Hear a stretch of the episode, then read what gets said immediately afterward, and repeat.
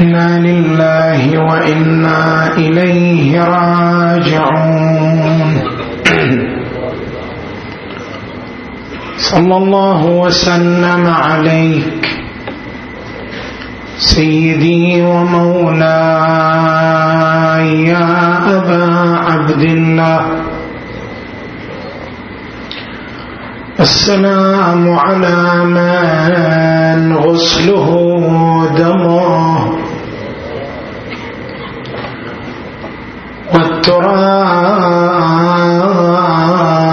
والتراب كافوره ونسج الريح أكفانه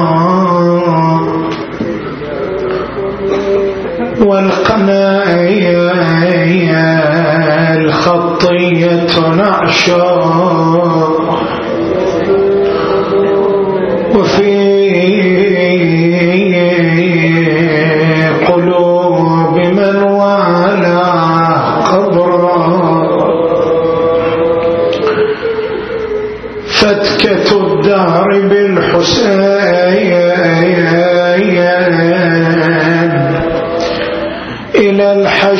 علينا شرارها يتوالى. لك يا دهر مثلها يا لا وربي إنها العثرة التي لن تقالى سيم دم النبي سفاك ليت شعري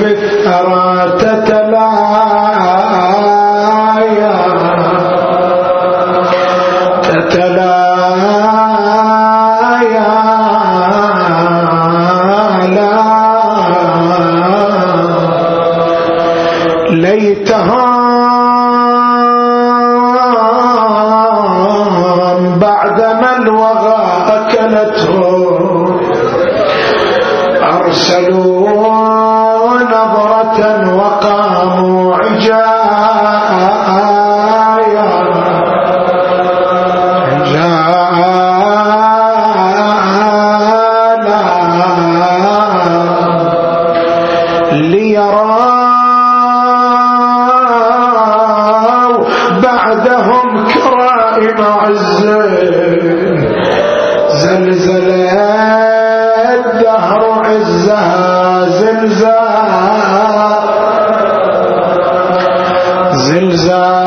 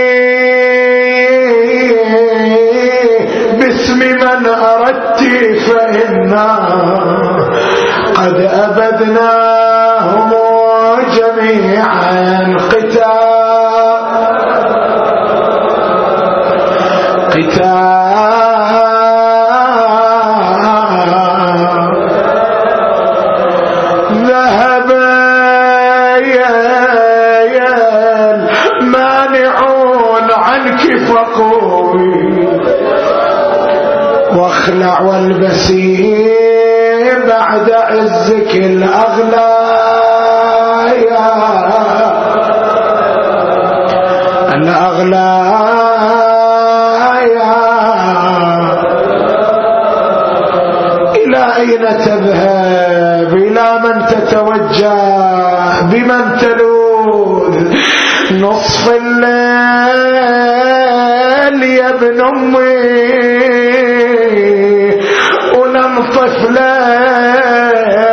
فقدناه نصف الليل يا ابن أمي ولم طفلة فقدناه اثاري طلعت بدهشه حد وياه. وحدة طلع تدورها ودور وين منفاه شفتها عليك ممتدة ومدامعها بخدها تسير. جبتها وياي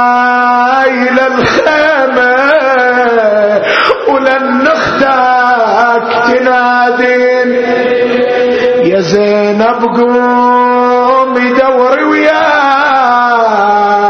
راح وين طفلة؟ طلعنا نفتش الوادي.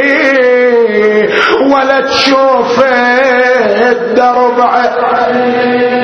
ولا النجوم تاضي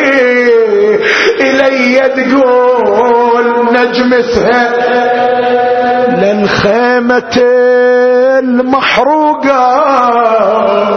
جبتهم يا عديل الرب وضجت عيلتك يا حسين. كلها بالبكا والنار. قطرة ماي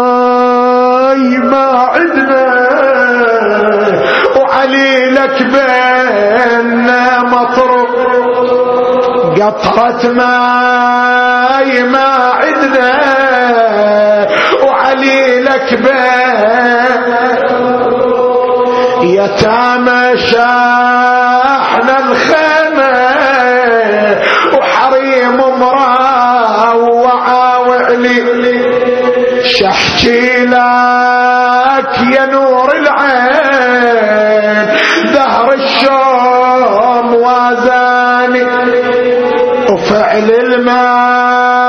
جرى ولا صار بالمخلوق راوان. شفتهم يا ولي ميتين. واحد حق. شفتهم يا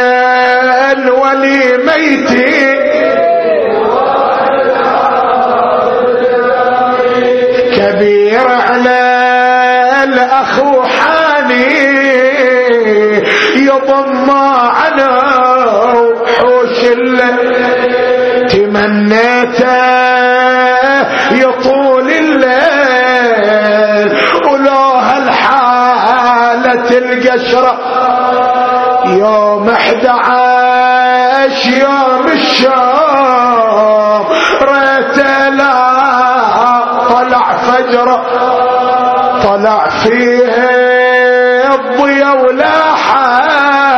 حد جنايزكم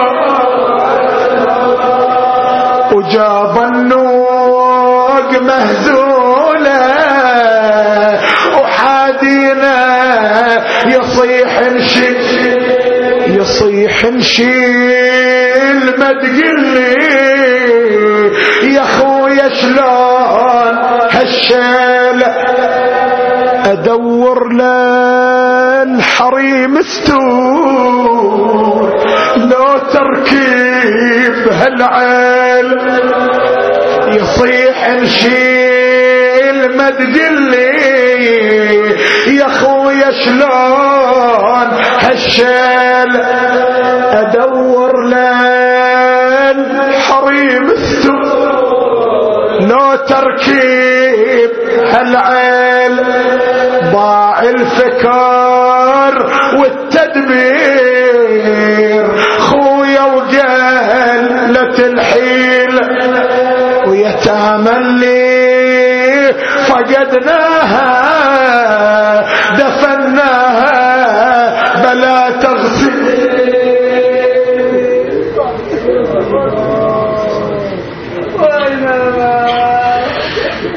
إنا لله وإنا إليه راجعون. وسيعلم الذين ظلموا آل بيت محمد حقهم. أي منقلب ينقلبون والعاقبة للمتقين.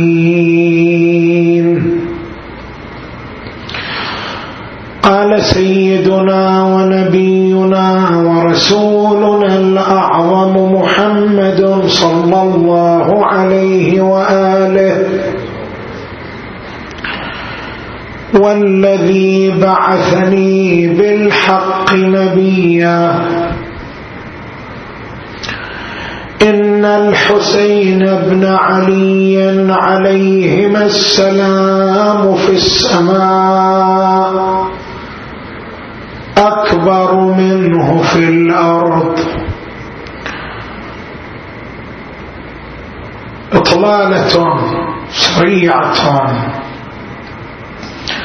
على بعض عوالم سيد الشهداء صلوات الله وسلامه عليه.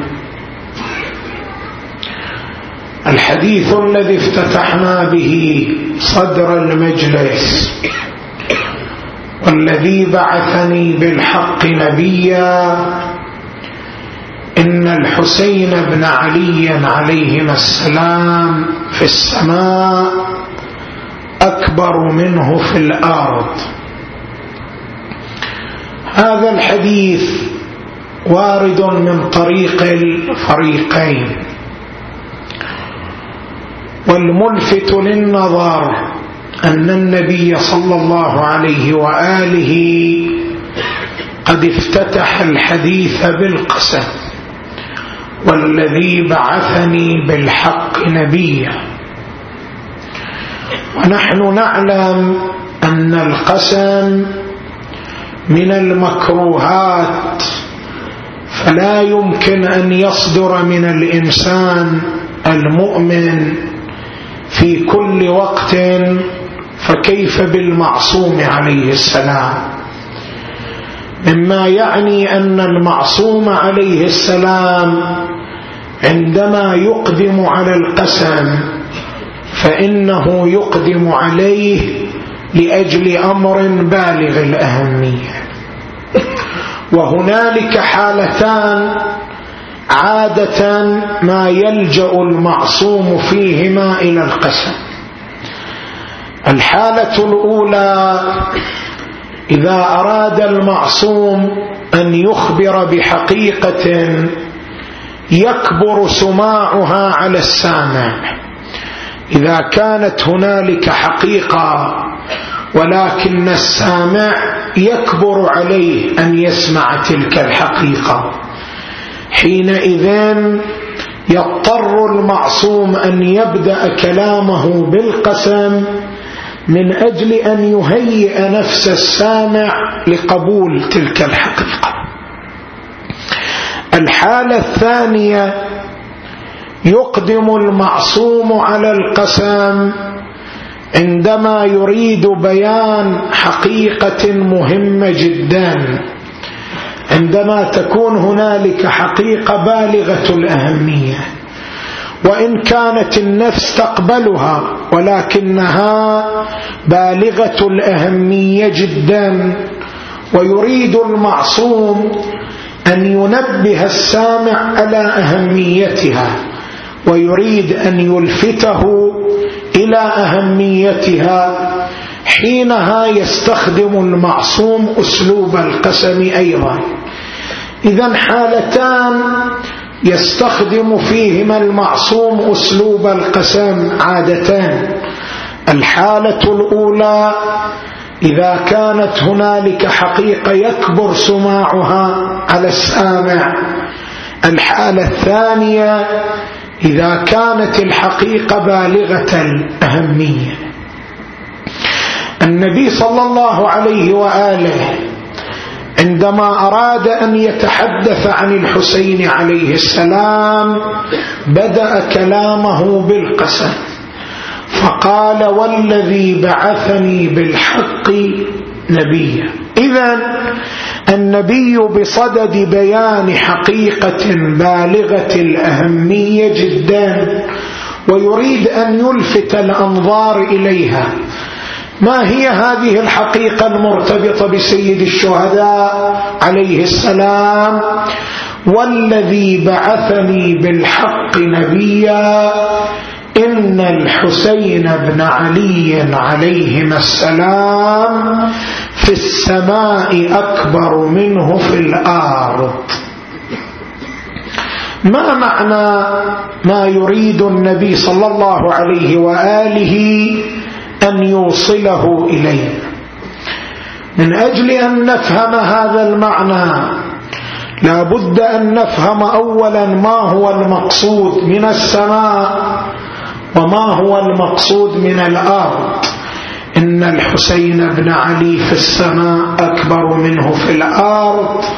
السماء ماذا؟ الأرض ماذا؟ المعنى المتبادر من الأرض والسماء أن الأرض هي هذه الدائرة الكروية المعروفة. والسماء عبارة عن الفضاء الذي يقابلها. ولكن السماء والأرض لهما اصطلاح آخر حتى في القرآن.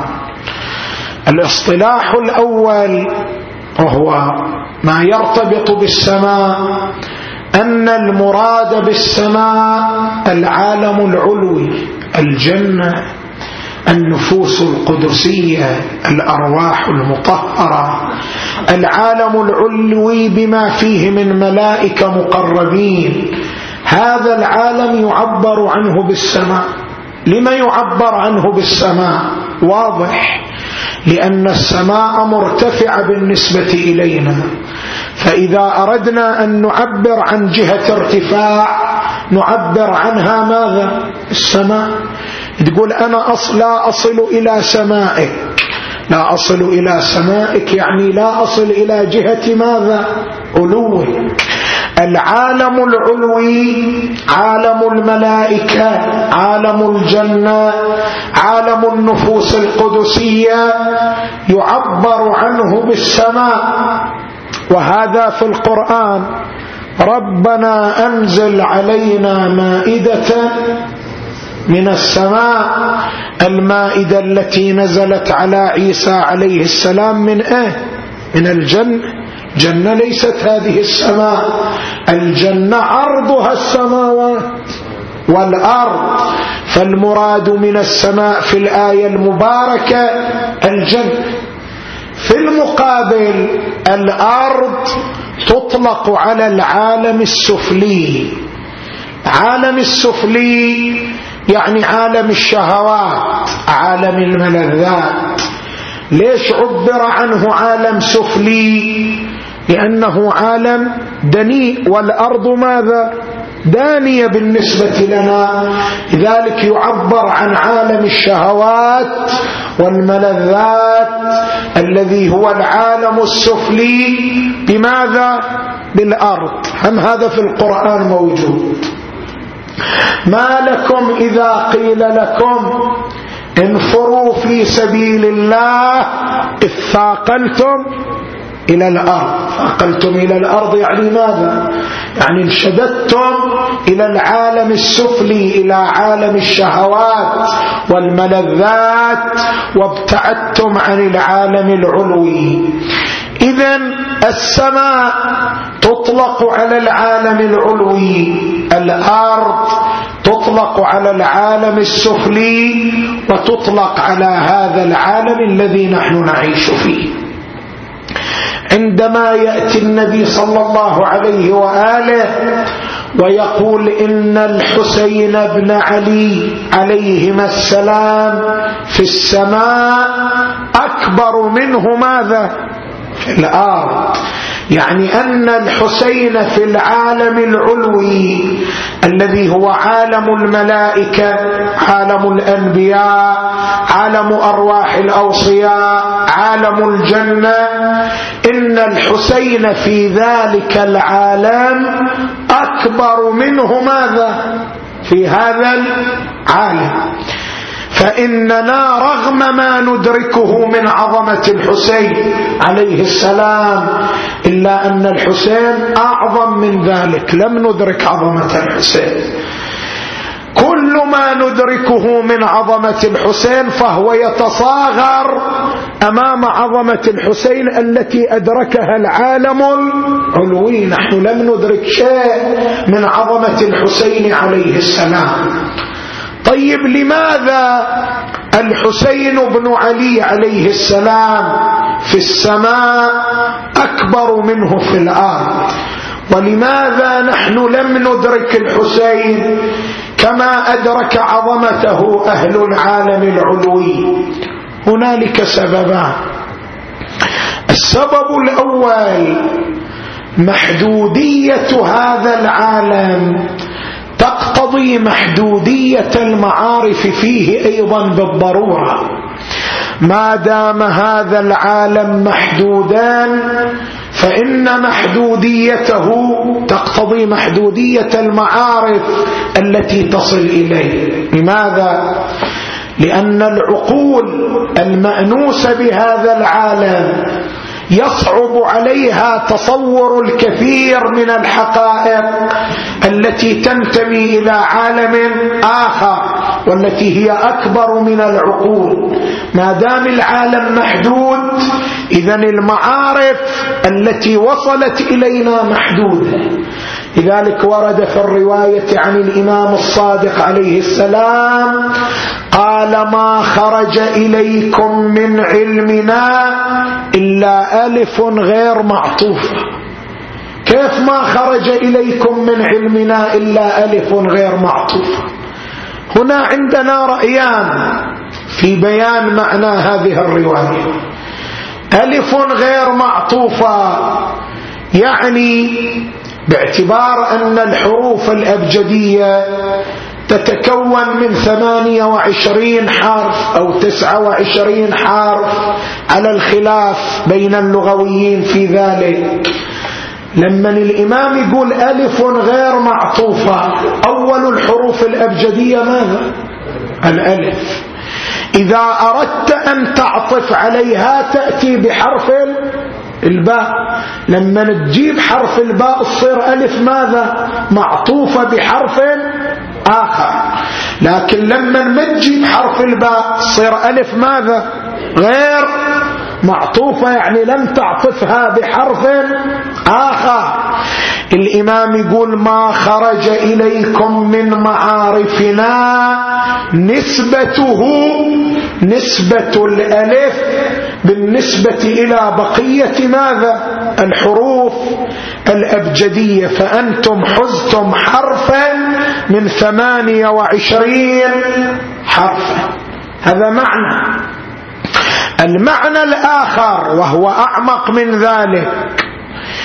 يقول الإمام الصادق عليه السلام عندما قال ألف غير معطوفة يتكلم عن أي ألف؟ يتكلم عن الألف الموجودة في زمانه. والألف الموجودة في زمانه هي الألف المكتوبة بالخط الكوفي. الخط المتعارف آنذاك إنما هو الخط الكوفي. فعندما يعبر الإمام عليه السلام بالألف يعبر عن الألف التي ترسم بأي خط؟ بالخط الموجود ماذا؟ في زمانه. خط الموجود في زمانه هو الخط الكوفي.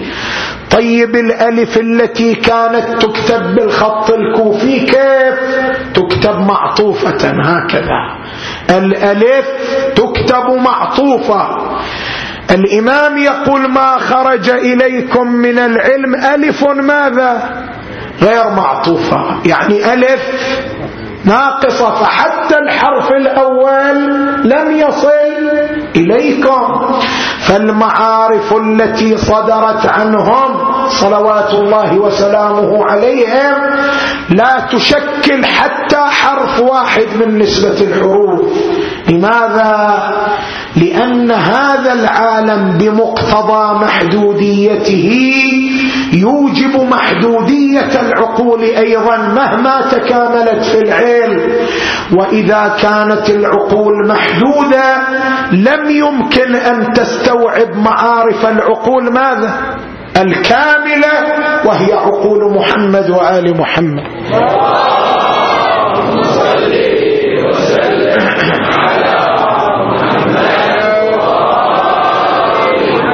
إذا السبب الأول محدودية هذا العالم فهي تقتضي محدودية المعارف الواصلة إليه.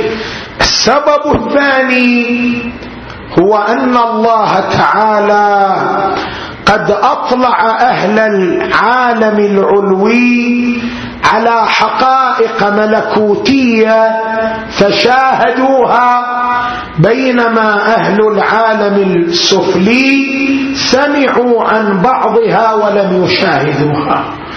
وفرق شاسع جدا بين المشاهدة وبين ماذا؟ السماع وما راء كمن سمع. لما يكون عندك واحد سنتين ثلاث سنوات أنت تتحدث له عن النار لكن هو ما شايف النار. يدرك يذعن يصدق لكن عندما يرى النار يبقى علمه بها على نفس المستوى أو يتتصاعد عنده حالة اليقين. طبعا تتصاعد. تتصاعد حالة اليقين بالمشاهدة. قبل أن يشاهد النار. نعم سمع بها صدق بها أذعن بها. لكن عندما يشاهدها يحصل له ماذا؟ تصديق أقوى ويقين أعمق إذا المشاهدة تختلف عن السماع.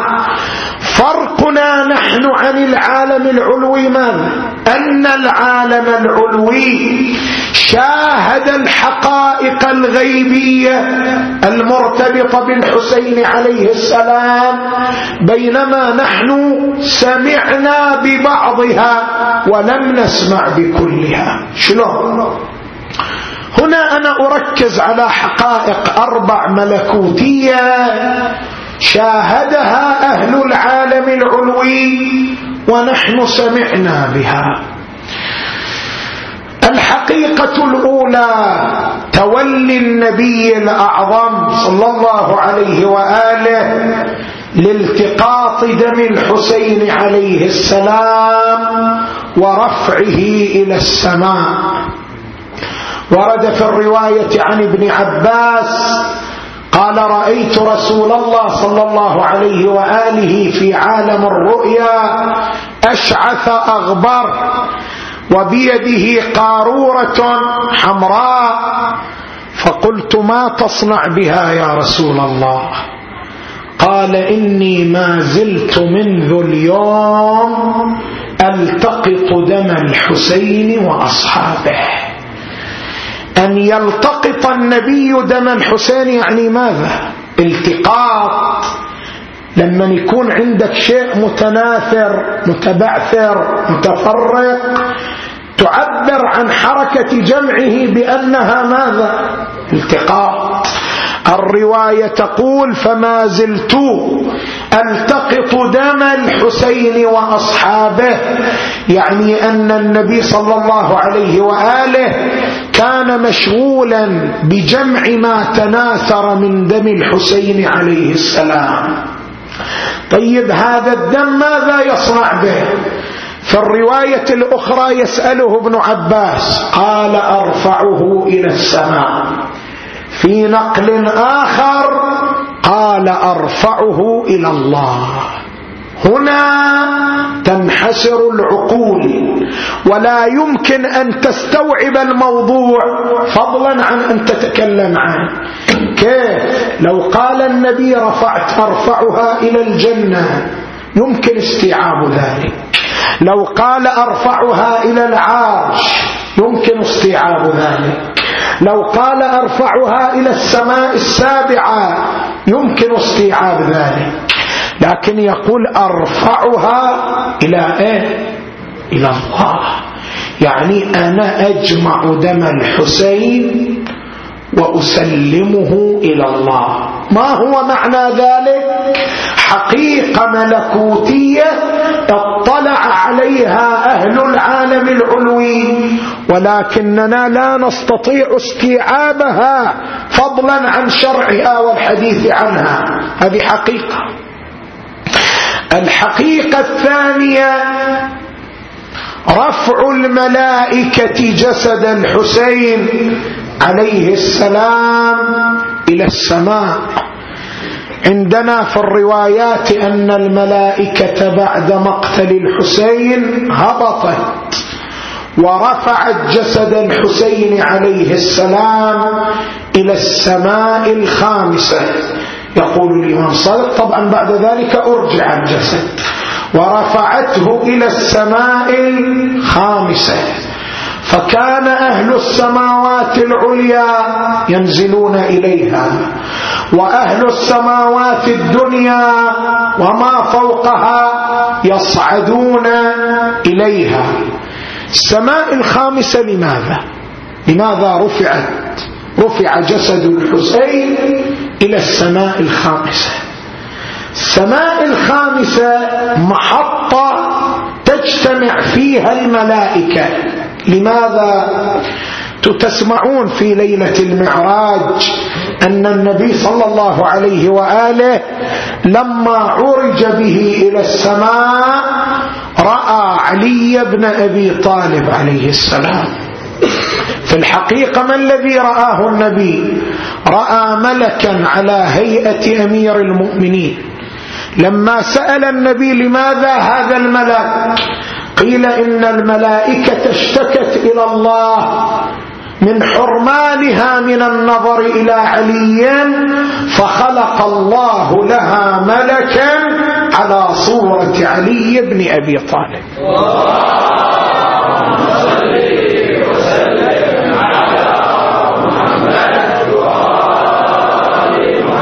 فأصبحت السماء الخامسة مهوى الملائكة. ملائكة التي تحتها تصعد إليها. ملائكة التي فوقها تنزل إليها. عند هذه المنطقة الحساسة رفع جسد الحسين وجعل إلى جانب صورة أمير المؤمنين عليه السلام. فكان الملائكة هكذا تقول الرواية. فنظر إليه الملائكة مخضبا بالدم. فلعنوا يزيدا وابن زياد ومن قاتل الحسين عليه السلام. لماذا رفع جسد الحسين إلى السماء؟ لماذا أشهد الله الملائكة على جراحات الحسين على دم الحسين على ضربات الحسين على طعنات الحسين؟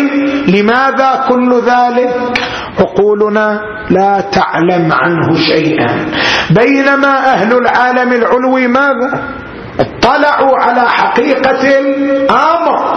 لذلك الحسين عند أهل السماء أكبر منه عند أهل الأرض. الحقيقة الثالثة تولي الله سبحانه وتعالى لقبض روح سيد الشهداء الحسين وأصحابه الطاهرين عليهم السلام. ما يحتاج موجود تولي الله تعالى لقبض روح الحسين وأصحابه الطاهرين. لما ترجع إلى كتاب الخصائص الحسينية للشيخ التستري وهو فقيه من فقهاء زمانه. ولما ترجع إلى كتاب الحق المبين لفقيه من فقهاء الطائفة في زماننا وهو الشيخ الوحيد الخراساني دام ظله ومتع الله المؤمنين ببركات وجوده زمنا طويلا. هذان العلمان يذكران واحدة من خصائص الحسين أن الله هو الذي تولى قبض روحه. وتولى قبض روح أصحابه. بعضهم قد ينكر هذه الحقيقة. ويثير حولها مجموعة من التشكيكات. ويقول يعني هل أن الحسين أفضل من غيره حتى أن الله تعالى يتولى قبض روحه أفضل حتى من النبي حتى النبي الله هو الذي تولى قبض روحه. ستقول إلي أكو رواية نسمعها ليلة وفاة النبي أنا الآن مو بصدد الحديث عن ذلك. هنالك رواية صريحة بأنني أتولى قبض روحك وروح علي عليه السلام. كيفما كان لسنا بصدد ذلك. واحدة من خصوصيات الحسين وأصحابه أن الله تعالى هو الذي تولى قبض أرواحهم هذا من وين؟ هذا من الروايات. ورد في الرواية عن النبي صلى الله عليه وآله قال قال جبرائيل عليه السلام فإذا برزت تلك العصابة يعني الجماعة حسين مع أصحابه فإذا برزت تلك العصابة إلى مضاجعها تولى الله قبض أرواحهم بيده. تولى الله تعالى قبض أرواحهم بيده. هناك كلام عند العرفاء. يقول العرفاء الناس لهم مقامات ثلاثة مقام النفس ومقام القلب ومقام الشهود. مقام النفس يعني مقام الشهوات والملذات. مقام القلب يعني مقام فضائل الأخلاق ومقام العلم. مقام الشهود مقام الشهود يعني مقام انكشاف الحقائق الملكوتية في هذا العالم. كما وصل إلى ذلك الأئمة الطاهرون عليهم السلام. عرفاء ماذا يقولون؟ يقولوا إحنا لما نرجع إلى القرآن نشوف القرآن الآيات التي تحدثت فيه عن الإماتة على ثلاثة أقسام. قسم نسب الإماتة إلى الله. الله يتوفى الأنفس حين موتها. قسم نسب الإماتة لمن؟ لملك الموت قل يتوفاكم ملك الموت الذي وكل بكم قسم نسب الإماتة لمن للملائكة الذين تتوفاهم الملائكة ظالمي أنفسهم. ليش فعل الإماتة نسب تارة إلى الله ونسب أخرى إلى الملائكة ونسب ثالثة لمن؟ لملك الموت. عرفاء يقولون هذا إشارة إلى تعدد مراتب الناس. هذا بحسب تعدد مراتب الناس.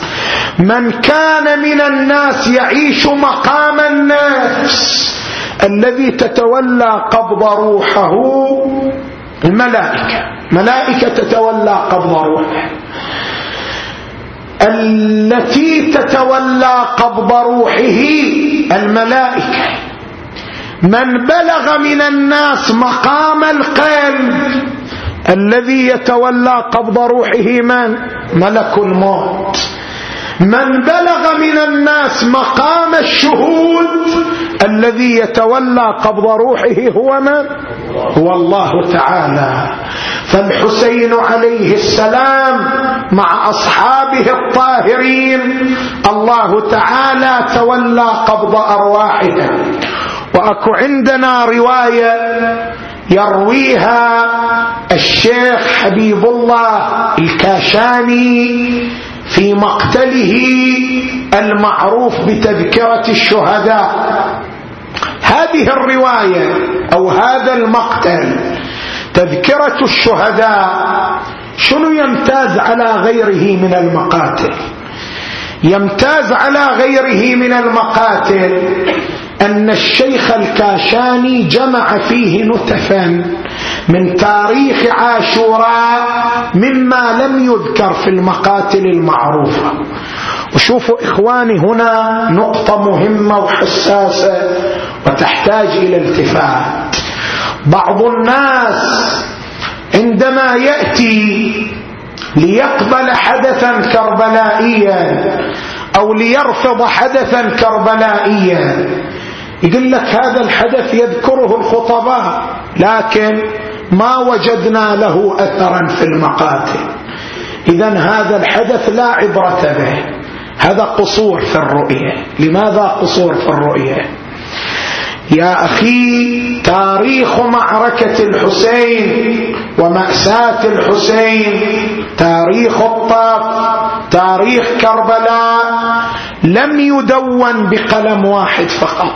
هنا الاشتباه. كما أن التاريخ العربي رصد واقعة كربلاء تاريخ الفارسي أيضا ماذا؟ رصد واقعة كربلاء. كما أن التاريخ الفارسي رصد واقعة كربلاء. تاريخ الهندي أيضا رصد واقعة كربلاء. كما أن التاريخ الهندي رصد واقعة كربلاء. تاريخ الأوروبي أيضا رصد واقعة كربلاء.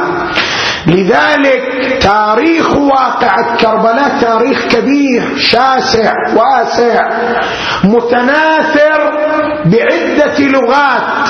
فرب حدث كربلائي رصده التاريخ العربي لكن لم يرصده التاريخ فارسي. ورب حدث رصده التاريخ الفارسي لكن لم يرصده التاريخ الهندي لذلك من غير الموضوعية أن يرفض الإنسان حدثا يتعلق بواقعة الطف لأنه لم يجده في المقاتل العربية. فإنما عند خطبائنا ليس مأخوذا من هذه المقاتل فقط. بل له منابع. فإن الخطباء يتناقلون عن بعضهم البعض. ورب خطيب يلتقي بخطيب فارسي هندي يسمع منه حول واقعة الطف ما لا يجد له أثرا في المقاتل العربية. كيفما كان شيخ حبيب الله الكاشاني فقيه بل هو مرجع من مراجع زمانه. وهذا يجعل لكتابه اعتبار وقيمة. ينقل هذه الرواية عن الإمام الصادق. وهذه الرواية سمعتها مني سابقا ولكن أنا عرضت لها لكثرة ما طالها من الهرج والمارج. فإن بعض الناس لا تصل يده إلى بعض ما يسمع فيتصور أنه لا وجود له. يروي عن الإمام الصادق عليه السلام قال لما صعد الشمر على صدر الحسين. الرواية ينقلها الشيخ الكاشاني يقول هي من الأحاديث الضعيفة. يقول ذلك. لكن كونها من الأحاديث الضعيفة ما يضر بها. إذ ليس كل حديث يضرب به عرض الجدار. وأنا بينت لكم في هذا المجلس أن الأحداث التاريخية ليس العبرة في قبولها هو صحة السند وضعف السند هذا بينته في محاضرة مفصلة قبل سنتين ثلاث أربع لا أتذكر. لا أعيد ذلك. يصرح بأنها من الأحاديث الضعيفة. مع ذلك هي حدث تاريخي.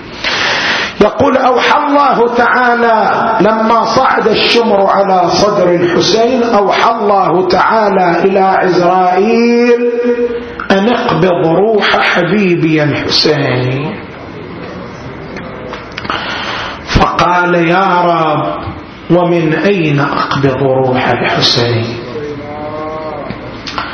قال اقبضها من فمه. قال إن فمه مزقه السهم وسالت دماؤه منه قال فاقبض روحه من جبينه. قال يا رب إن الحجر لم يبق جبين الحسين سالما. قال فاقبض روحه من نحره. قال يا رب إن سيف شمر الضباب على نحر أبي عبد الله. فكيف لي بقبض روحه؟ قال يا ملك الموت إني أعلم بأنك لا قدرة لك على قبض روحه.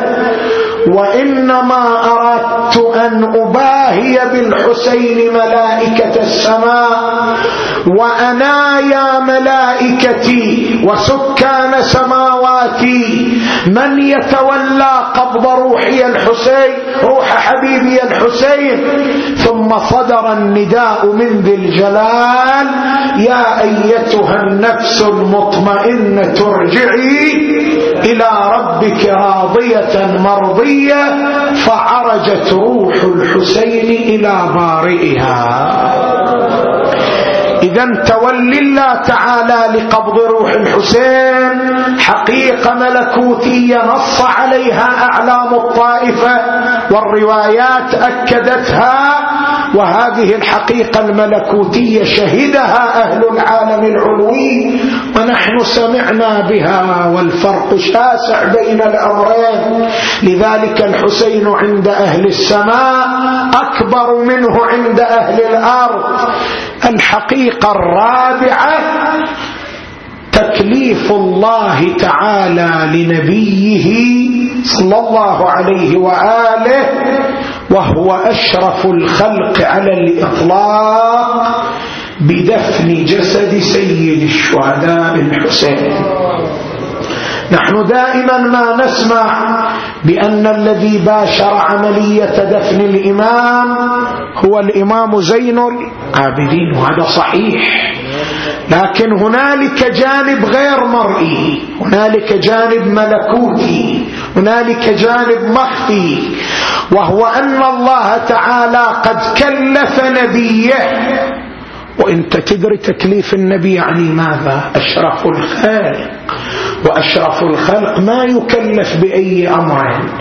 إلا أن تكون هذه المهمة بالغة الأهمية عند الله تعالى. ولا يصلح لها إلا رسول الله.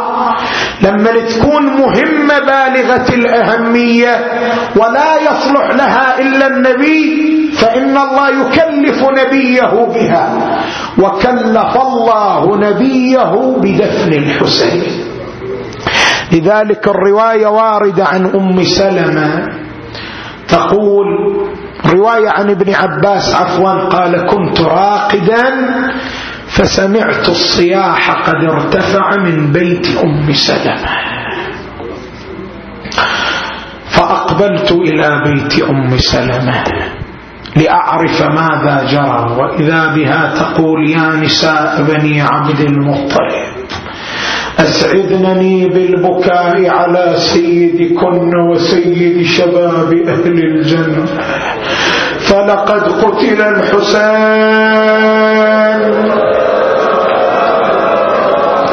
يقول ابن عباس قلت لها يا أم المؤمنين من أين لك ذلك؟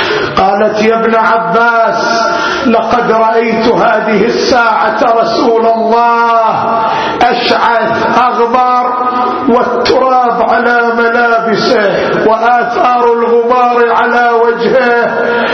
قلت يا رسول الله صنع بك ذلك أنت صاحب الشيبة البهية. أنت صاحب الجسد الذي يلمع من شدة نظافته. ما الذي أصابك يا رسول الله؟ قال يا أم سلمة الآن فرغت من غسل ولدي الحسن. الآن انتهيت من دفن ولدي الحسين. وأصحابه لتراب هذا اللي تشوفين علي.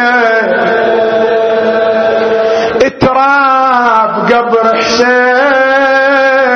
برض الغابري من دفنة ابن حسين هالساعة رجعنا.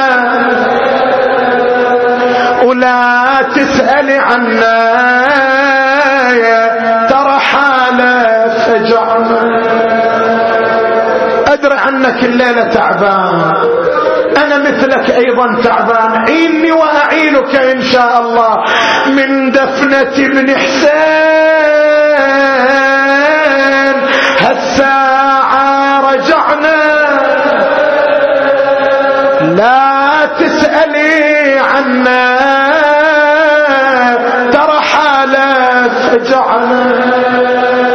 ليش يا رسول الله لا راس لا شفين لا خنصر وجدنا. بس الجسد مطروح برض الغاضرية بالمعركة قمنا يا نحوم شمال ويمين.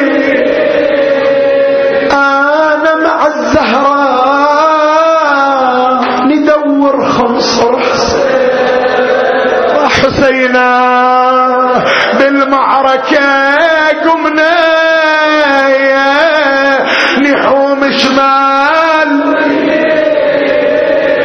أنا مع الزهراء ندور خنصر. وكبد اللي مزقها السهايا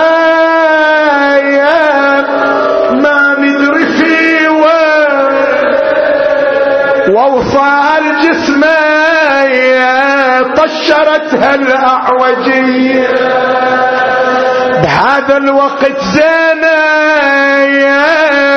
بوسط المعركة تحوم. تنادي الأعداء حرقوا خيامي يا مظلوم. وإن كان روحك بيك قوم انهض يا مظلوم. وان كان روحك بيك قوم انهض رد العداد سرعايا يا ابن خير البريه وشافت سواد مقبلة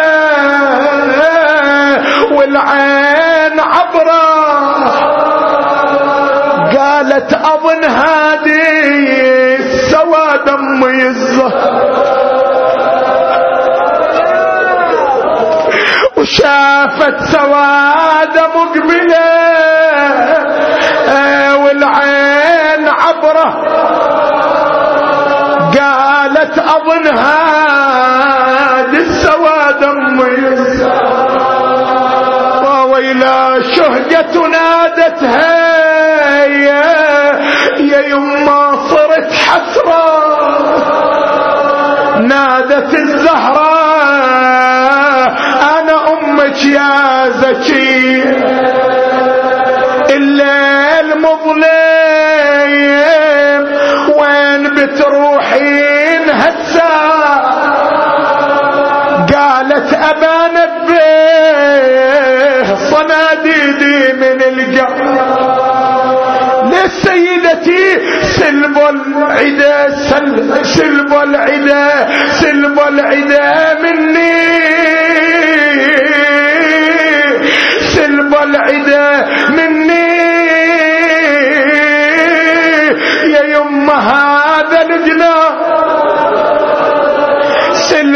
العدا مني.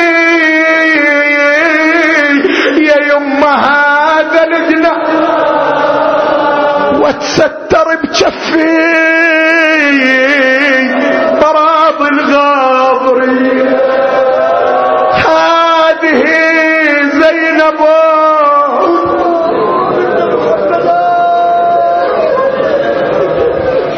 حسين الوجي وجده وأبي وأمه وأخي والتسعة المعصومين بني فرج عنا.